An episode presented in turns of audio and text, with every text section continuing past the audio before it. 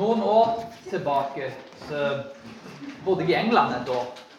Og jeg var med Ravi Saikarajas Institute når jeg bodde der. Og Det var et veldig flott år. Fine opplevelser. Og jobba sammen med, eller studert under noen av de største da, kristne trosforsvarerne apologetene. Ravi Saikarajas var jo ikke der til vanlig, men vi traff ham vel én gang. Men uh, han er jo regna kanskje som en ja, kanskje de siste 50 årene en av de største trosforsvarerne sikkert i verden. Så det er en veldig kjent person. Og i dag er han litt, litt, kjent for litt andre ting, beklageligvis, enn en trosforsvar. Men uh, han utretta veldig mye godt til tross for det som skjedde på slutten. Men en av de tingene som skjedde, var at han ble ikke holdt til ansvar. Etter han var død, så kom det fram at han hadde vært organisert i, eller involvert i ja, ulike former for seksuelle aktiviteter som var i strid med Bibelen. Og Dette var et sjokk for mange av medarbeiderne. Veldig mange fine og flotte folk. da, Gudelige folk som, som jobba for Gud og, og, gjorde fantastiske ting. Som var sjokkert av disse tingene. Men et av problemene var at ledelsen kanskje i liten grad hadde opprettet et system for ansvarlighet. Og Det som skjedde med organisasjonen pga. at han fikk lov til å holde på, til tross for at de visste jo ikke om det da, i, i, store deler av, av tida Men eh, det var mange tegn som egentlig der burde ringt en bjelle for folk. Det var ei dame som hadde klagt og sagt at det hadde skjedd, og folk hadde nekta på det i etterkant. For de var så avhengige av ryktet hans i organisasjonen. Det som skjedde til slutt nå, er at eh, organisasjonen eksisterer ikke lenger. Synden ble tillatt. Han levde uten ansvarlighet. Og til tross for det var til og med noen som rapporterte dette, så nekta de å ta den sannheten inn over seg. Og i dag så eksisterer ikke organisasjonen. Han har blitt avvikla, gått inn da i andre tjenester. Så Det er jo en tragisk ting når synden får lov til å holde på. Når synden får lov til å eksistere. Og til slutt så tror jeg kanskje at ja, vi skal slippe unna til slutt. Men sannheten er at sannheten kommer alltid fram. Synden kommer alltid fram, og svært ofte både i dette livet og i det neste livet. En slipper svært sjelden unna sine egne synder. Tenk at det var Jordan B. Peterson som alltid sier at som psykolog i 20 år så har han ikke truffet én en eneste person som har sluppet, sluppet unna syndene sine i dette livet. Du vil få svi når du synder.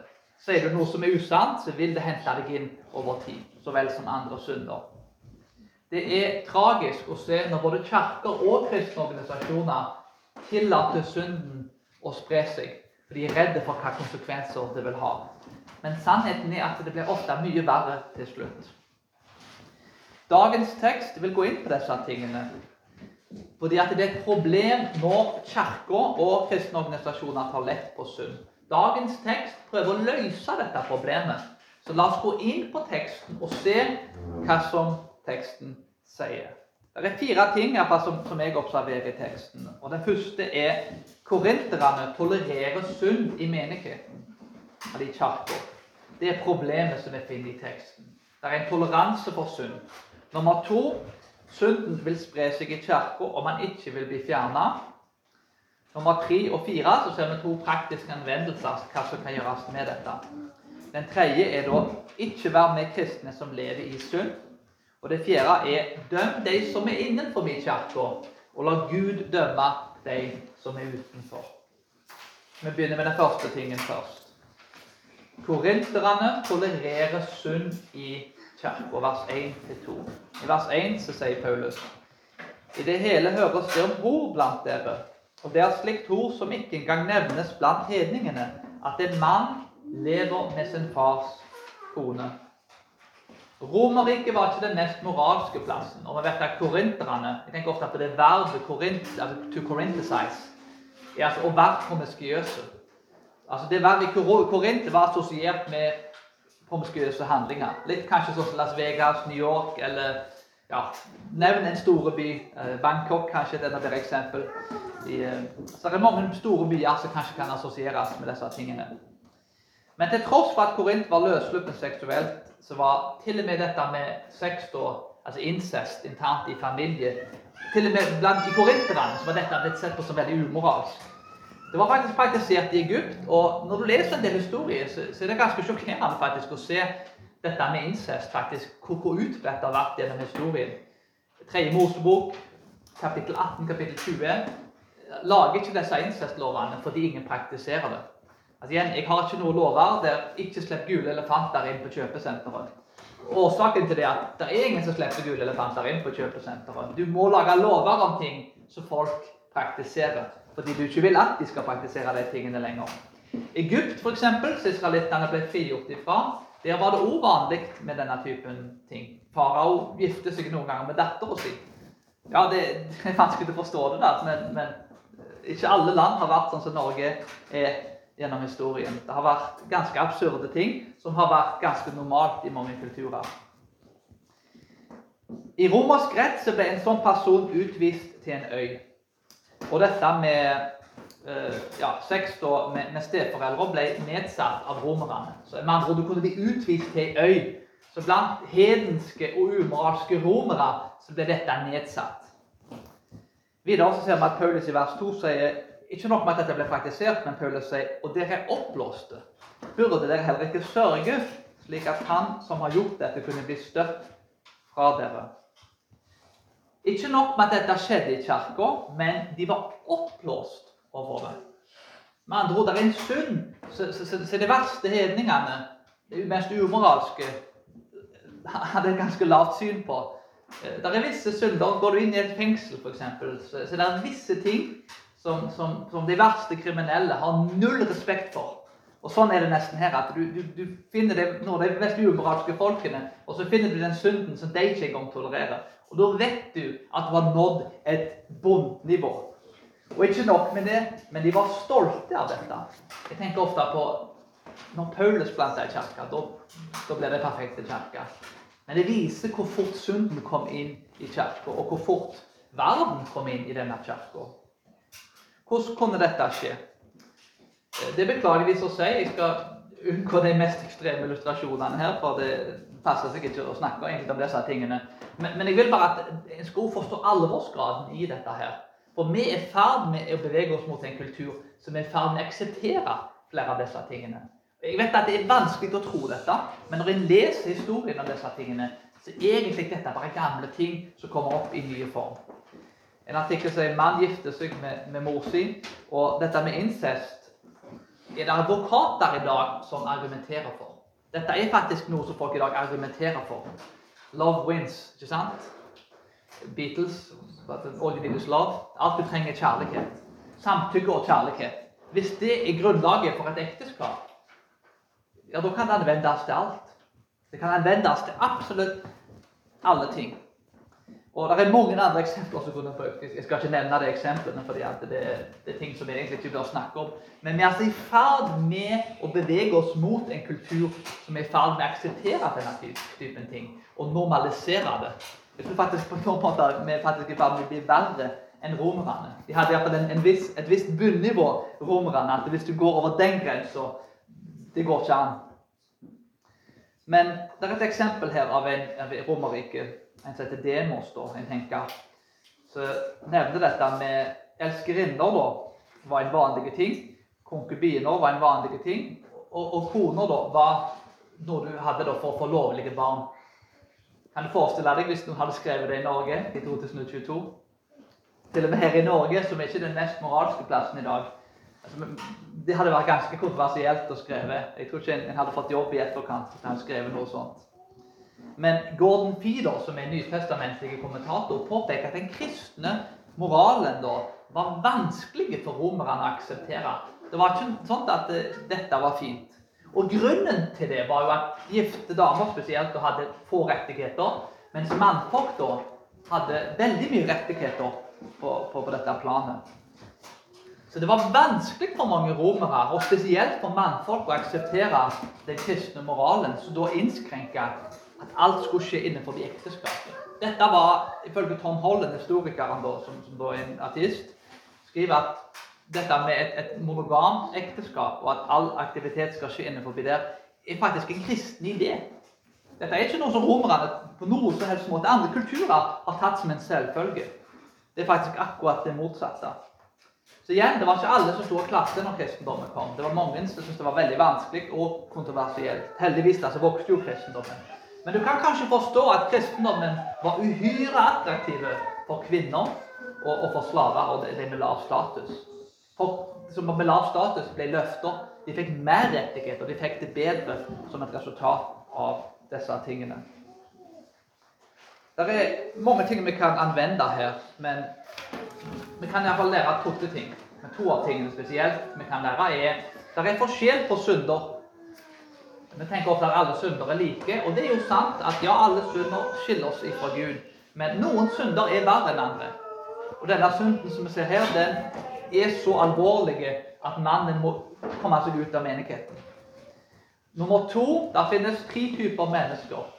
Det finnes de som er for synd, de som er imot synd, og, de som er passive. Og, og I også er det mest av den, den passive. Og de som ikke gjør noen ting med synd, på mange måter la ting passere. Det er jo kanskje på mange måter typisk norsk å være passive. Ikke rope ut og ikke gi beskjed når det er ondskap som sprer seg i menigheten. En lar synden passere. Og vi har i oppgave alle, og det er ikke at vi skal alltid være i krig og, og gi beskjed om alle minste ting. Men vi må gi beskjed når ting er galt. Det kom et, et, et bunnpunkt der en må faktisk være en profetisk røst, til og med i menigheten, eller i samfunnet ellers gjerne, at nok er nok. Nå må vi gi beskjed at dette er ikke greit. Og dette å være passive Når en er passiv, så er en egentlig med å la ondskap spre seg. I utgangspunktet så, så er det å være passive egentlig, Det er ikke stor forskjell på det sammenlignet med å, å faktisk være for sunn. I utgangspunktet Den passive utgjør ingen forskjell. Det er den som er for, og den som er imot, som er med og kjemper kampen. Den passive vil stille seg på den sida som vinner. Så dermed er det ikke rom for passivitet, verken i menigheten eller andre plasser. Og Det bringer oss til det andre poenget. Synden vil spre seg i menigheten hvis den ikke blir fjerna. Han vil spre seg. I vers 3 så gjør Paulus det krystallklart, i motsetning til korinterne, at han som ikke er der engang, feller dom over denne synderen. Det er altså ikke en fysisk tilstedeværelse Paulus har, men det er en dom som blir felt gjennom hans brev. Og han har autoritet. Han planta kirka til tross for at folk som mislikte han. Han bryr seg ikke om det. Paulus frykter Gud mer enn mennesker, og han gir beskjed. Og Dette var sikkert ikke en ting som gjorde Paulus veldig populær. Egentlig kunne han gjort ting for å bli bedre likt. Men Paulus sa sannheten, uansett kostnad. I vers 4 så gjør Paulus det klart at det er ikke hans autoritet, men det er vår Herre Jesus Kristus. Og det er Jesus Kristus' kraft og autoritet at han henter inspirasjonen sin fra. I vers 5 så ser vi at Jesus Kristus er kirka sitt fundament. Og Denne autoriteten skal ifølge Paulus brukes til å utvise denne mannen overgitt til Satan, overgitt til kjødets ødeleggelse. Det var mange jøder som trodde at lidelse og omvendelse kunne lede folk til å bli kvitt synden. Paulus er altså ikke drevet av hat her, men av kjærlighet. Han ville ha ei ren kirke, ei hellig kirke. Og Årsaken til dette er at det er bra for menigheten, og det er bra for denne personen det gjelder. I vers 6-8 så står det Det passer dårlig at dere roser dere. Vet dere ikke at en liten surdeig syrer hele deigen? Rens derfor ut den gamle surdeigen, så dere kan være en ny deig. Siden dere er jo usyret. For vårt påskelam er slaktet Kristus. Så la oss holde høytid, ikke med gammel surdeig, ikke med ondskapen og lastens surdeig, men med renhets og sannhets usyrede brød. Så Det handler altså her om å bli kvitt surdeigen. Nå er ikke jeg noe, noe kunstner innenfor baking, men jeg tror jeg vet nok, iallfall, uten at jeg får rette, irettesette meg hvis jeg tar feil her. Men uh, nå vet jeg, mor mi er veldig glad i å bake, så hun kan sikkert tukte meg hvis jeg tar feil i etterkant. Men uh, det er jo det med surdeigen, at den gjør hele deigen sure. Så du ødelegger hele deigen. Hvis det ligger en liten bete inn, og du lar den sitte lenge nok, så blir hele deigen ødelagt. Og da kan du ikke bake lenger. Og da får du sure boller. Du får sure mat. Og vi ser her at Paulus henter inspirasjon fra 2. Mosebok kapittel 12 at den ugudelige synd skulle ha gjort korinterne sørgende. Men de er stolte over dette. Det er en helt utrolig ting å tenke på at noen kan være stolt over en, en, en synd som hedningene mener er helt forkastelig. Å tåle en sånn synd er som å tåle surdeig i påskemåltidet. Den sure deigen gjør alt surt. Man hører ikke til det. Vi må bli kvitt den. For de som ikke baker, jeg tenker på et eksempel som er litt mer forståelig for meg. Altså, Frukten fungerer jo ganske likt. Men når man har ei fruktskål og det er et litt halvsurt eple, så sprer det seg kjapt, og hele korget blir ødelagt av råttenhet. Og når jeg da ser denne frukten, hva gjør en da? De gangene jeg ser ei råtten frukt i fruktkorgefrukt er jo dyrt i Norge nå den har gått opp. I tillegg da, så er det veldig kjipt når du har gleda deg til å spise et eple, og så er alt surt oppi korget. Men en tar frukten ut jeg skjærer ofte av en bit faktisk av frukten. Skjærer den av, og så, så kaster den i søppelet. For da bevarer jeg det gode i eplet, f.eks., eller, frukten. Mens resten av frukten i korget blir berga fra råttenhet. Du er med å bevare det eplet du tar ut, og all frukten da som ligger i korget. Så du beskytter faktisk både fruktene og frukten som du tar ut. Du vil at begge to skal være etende i etterkant. En anvendelse her som vi kan bruke, er at vi vil berge folk ifra synd. Igjen, å være passive er ikke bibelsk. En må altså gjøre noe med dette her. En må gå ut og tukte den personen dette gjelder. Fjerne denne personen, ta han til side si at dette er ikke greit. Du må omvende deg. Du må bli restaurert til Kristus. Slutt det du gjør. Få sjelesorg, rådgivning. Vis at eh, du har frukter som viser at du har omvendt deg. Dette er ikke en hard ting å gjøre, det er en rette ting å gjøre. Det er en kjærlighetsfull ting å gjøre. For dette kan ødelegge menigheten. En må bli kvitt den råtne frukten fra korget, og en må bli kvitt en person som sprer råttenhet og synd i menigheten. Og dette eksempelet er jo ikke, det er ikke snakk om en person som er litt lat, eller en person som, som kanskje sa noe som ikke stemte 100 dette er altså ting som virkelig kan ødelegge en menighet. Det er en, jeg kjente en gang. og Han sa at eh, pga. at de ikke tukta eh, far hans i menigheten, så mente han at menigheten hadde et dårlig vitnesbyrd. Det er en utrolig ting å kunne si. At en, så på sannheten som viktigere enn til og med biologiske bånd. Det var, det var et, en veldig fine ting å si. da, En person som var opptatt av sannheten. Og Det bringer oss til det tredje poenget. Ikke vær med kristne som lever i synd. Vi har sett et problem i at synden blir tolerert, og at denne synden kan ødelegge menigheten. Og en må gjøre noe med dette. Og En av tingene som en må gjøre, er å utvise folk, men også ikke være med folk som lever i synd. Vers 9-11 står det. Jeg skrev i brevet til dere at dere ikke skal ha samkvem med horkarer. Jeg mente ikke mennesker i denne verden som driver hor, eller som er pengegriske, røvere eller avgudsdyrkere da måtte dere jo gå ut av verden.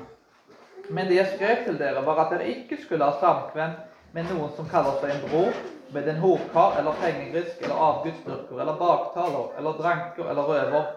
Et slikt menneske skal dere ikke engang spise sammen med. Mange jøder mente at hedningene var ofte umoralske, og de hadde det sannsynligvis ofte rett, med tanke på at jødene i Romerriket hadde en bedre moralsk, moral og etikk og det, det, det, var faktisk mange, mange romere og hedninger som var enige i. Så jødene hadde i stor grad rett her. Det er ikke uvanlig heller at syndige jøder ble ekskludert fra måltider for at de skulle omvende seg og komme tilbake til fellesskapet. Det var altså en sann måte å vise kjærlighet på. En ekskluderer en bror og en søster, for en vil at de skal omvende seg. Og I dette tilfellet da, så er det jo Dette er vel teknisk sett både hor og utroskap, som er to forskjellige definasjoner. Men det er jo et ord som blir brukt her, som er da eh, porneia, som er faktisk ordet får pornografi fra. Og Det er det greske ordet som ofte blir brukt for, for hor. Og Det ordet da, i sin betydning handler om all seksuell aktiviteter som foregår utenfor ekteskapet. Det er mange skriftsteder som går inn på disse tingene. Jeg skal ikke gå inn på alt det nå. Men det er altså den definasjonen her som Paulus bruker. Og en måte da å se på dette på, er at en må ta et valg og bestemme da om en kan da være sammen med noen som da lever i synd. Og jeg vet om ett tilfelle faktisk, det var jeg kjente, som eh, broren da eh, ja, levde i synd. og Hun, hun nekta faktisk å spise sammen med ham. Og Det ødela jo hele forholdet mellom de to. Eh, det er ikke kjekt at noe sånt skal skje, men hun tok det så på alvor, dette skriftstedet, at eh, hun spiste ikke sammen med sin egen bror. Eh, I disse situasjonene så opplever jeg svært ofte at mange av de som lever på den måten, kan vel egentlig ofte defineres som ikke være kristne. Hvis noen sier jo, men jeg er kristen og jeg lever i den synden og, og jeg syns ikke det er noe problem, så er det svært ofte folk som ikke går i kirka, folk som ikke egentlig tror at Jesus har oppstått fra de døde, at han er frelser herre over deres liv. Så et spørsmål å spørre er da ja, tror du Jesus oppsto fra de døde, at han er frelser herre over ditt liv? Og Hvis svaret på det spørsmålet er nei, så er dette sannsynligvis ikke en kristen person. Så jeg må bruke skjønn og visdom og, og, prøve å navigere gjennom det. Men hvis en person da går i kirka hver søndag, er aktiv i disse tingene, og leser sin bibel og tror oppriktig på budskapet og på evangeliet, og allikevel å leve i synd og rettferdiggjøre dette, da må en vurdere hva en skal gjøre. Dette kan bli et eksempel der en faktisk ikke kan spise sammen med noen. Jeg har selv aldri endt opp i et sånt tilfelle, og håper som sagt at det ikke vil være tilfellet. Men forloveren min i, i, i bryllupet mitt kanskje, han er en veldig ærlig og direkte kar. og Han sa til meg da at uh, hvis du gjør noe som du ikke bør gjøre, så kommer jeg til å være den første som kommer til å fyke i strupen på deg. Så Jeg sa det ikke så direkte, kanskje, men han, det var liksom litt et hint da, at uh, han skulle irettesette meg ganske kjapt hvis, hvis, jeg, hvis jeg begynte å synde. Og det er en god venn. En god venn er en person som forteller deg sannheten, til og med når det er ubehagelig. Så jeg er veldig takknemlig for ham og ærligheten og direktheten hans. Og Det bringer oss til det fjerde poenget. Vi skal dømme òg de som er innenfor kirka, men vi skal ikke dømme de som er utenfor, på samme måten. Vers 12-13. Hva har vel jeg med å dømme dem som er utenfor? Er det ikke dem som er innenfor dere dømmer? Men dem som er utenfor, skal Gud dømme. Støt da den onde fra dere. Det er en svært viktig ting. Og igjen, jeg har anbefalt uh, uh, J.K. Beale, da, som er nytestamentlige kommentator. Han har skrevet faktisk, Det er tre forskjellige bibelkommentarer som du kan lese. Noen som er veldig lette, og andre som er, som er mer tyngre. Men han kategoriserer da hvor i Det nye testamentet hvor i Det gamle testamentet, hvor siterer Paulus fra? Hvor henter han informasjonen sin fra i Det gamle testamentet? Og Dette er jo en direkte henvisning. Paulus bruker altså Det gamle testamentet her. I 5. Mosebok kapittel 17,7, det leste vi tidligere. Vitnene skal først løfte hånden for å avlive ham, dernest hele folket. Slik skal dere utrydde det onde hos dere. Dette er nesten et direkte sitat. 5. Mosebok 22, 22. Når en mann ligger hos en gift kvinne og blir grepet, så skal, dere, skal de dø begge to. Både mannen som lå hos kvinnen, og kvinnen selv. Slik skal du rydde det onde bort av Israel.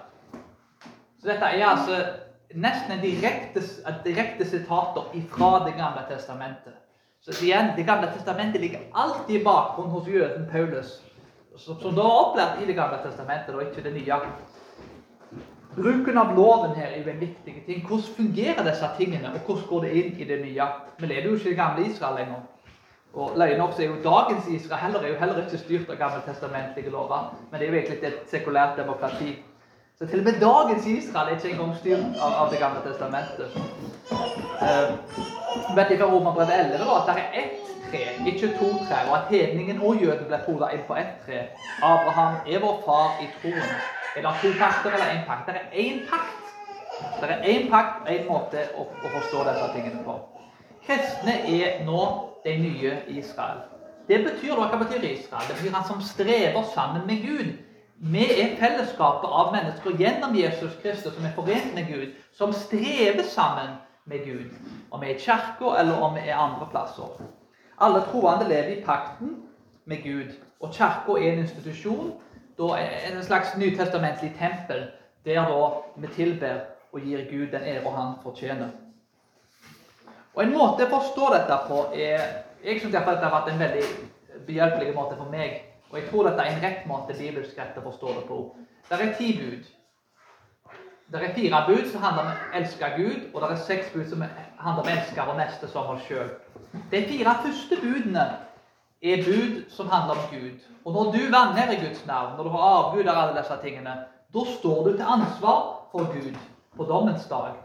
Og, og han vil fjerne frelsen hvis en ikke omvender seg. En vil ikke lenger være frelst.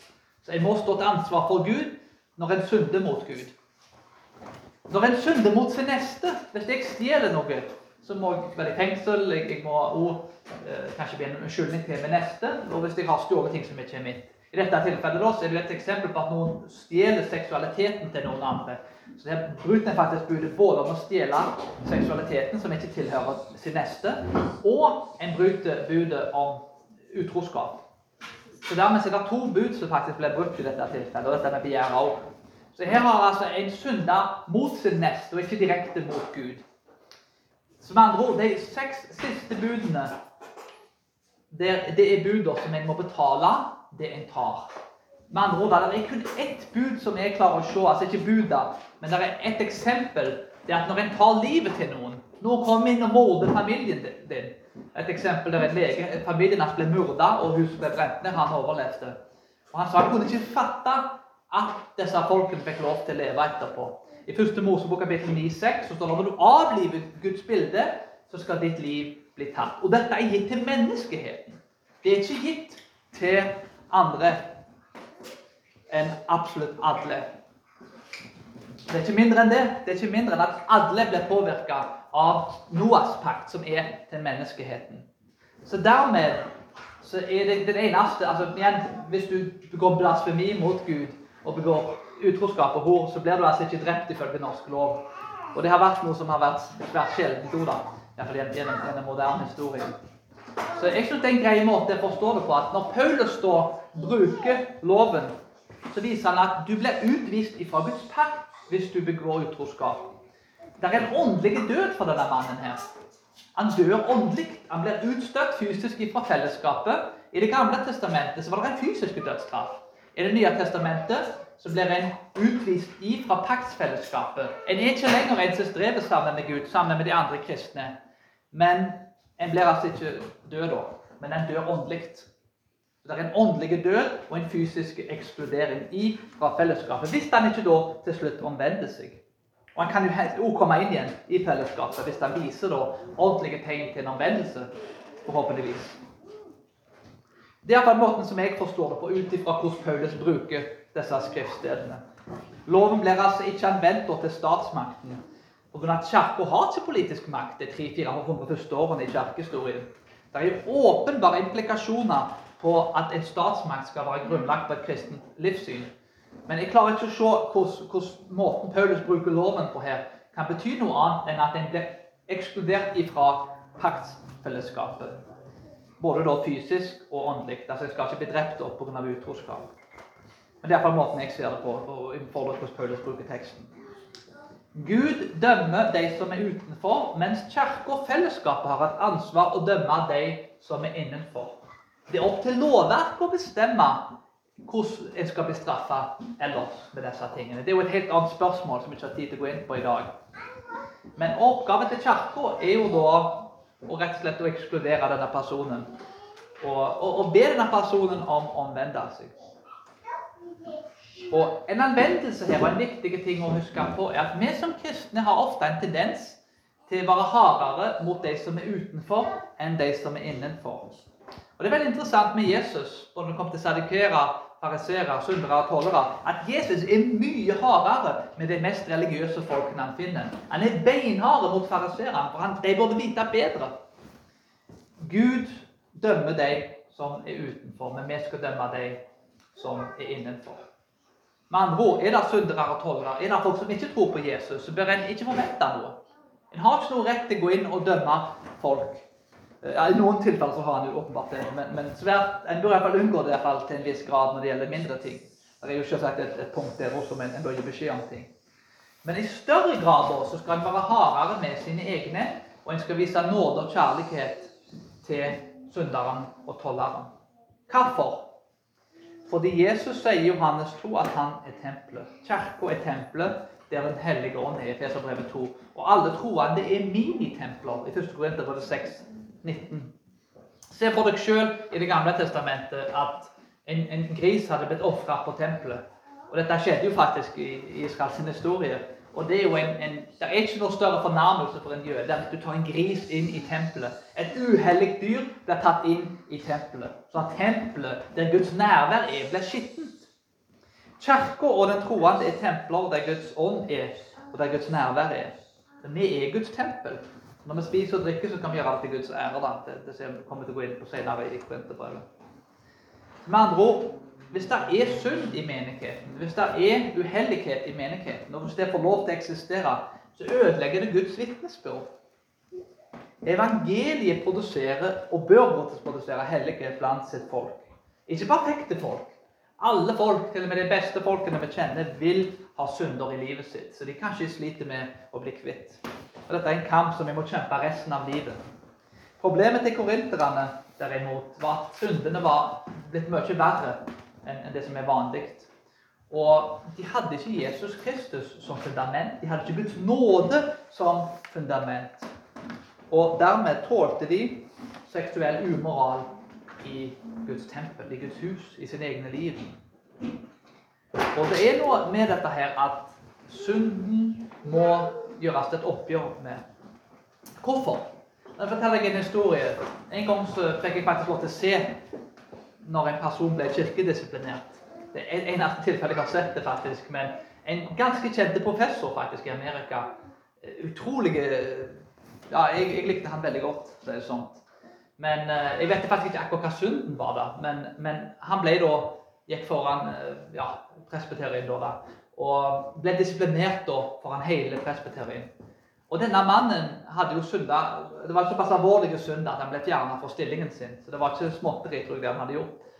Men dette var en mann som omvendte seg. Han omvendte seg foran familien sin, foran Gud, foran presbyterien. Og han unnskyldte seg. Han hadde gjort alt han skulle, alt de krevde av han, for å vise at han hadde frukter som var omvendelsen verdige.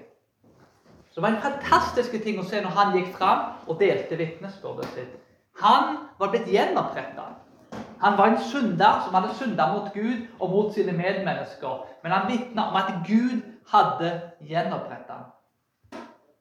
Gud hadde ikke fjerna ham fra fellesskapet. Han hadde ikke blitt fjerna fra fellesskapet av andre troende, men han hadde blitt gjenoppretta. Og Det er en av de mest utrolige tingene jeg har sett i mitt liv.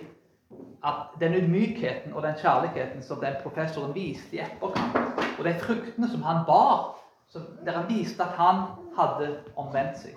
Så Gjenopprettelse er målet med kirkedisiplin. Det er ikke sånn nå skal vi gå ut og disiplinere folk, for det er hyggelige ting å gjøre. Eh, kan det være litt sånn at en, en eh, ja, har lyst til å eksplodere folk? Og Det er jo åpenbart organisasjoner og kirker som gjør det av feil årsaker. Men det er gjenopprettelse som er målet. Og det er det Paulus også sier. Han vil at denne personen skal bli gjenoppretta. Han vil at på Jesu Kristi dag at denne personen skal kunne si at han er frelst. Det var derfor Paulus ba korinterne om å leve hellig, fordi Jesus Kristus, påskelam, hadde blitt ofra av nåde. De hadde fått en ny status, en status uten synd. Og En våger ut og leve som at dette faktisk er tilfellet, der en omvender seg i fra kjødets ugjerninger. Hvorfor? Fordi Kristus ble ofra og vant over døden, så har korinterne fått et nytt og hellig liv. Og det har også vi. Dette er gode nyheter. Det at Jesus Kristus er fundamentet, og at nåden er det som driver denne helligheten, som gir menigheten godt vitnesbyrd. Og dette er oppriktig noe som vi kan feire. Og med det så vil vi be og takke Gud for sin hellighet og godhet. Himmelske Far, vi ber om at vi ikke må ende opp i en situasjon der vi må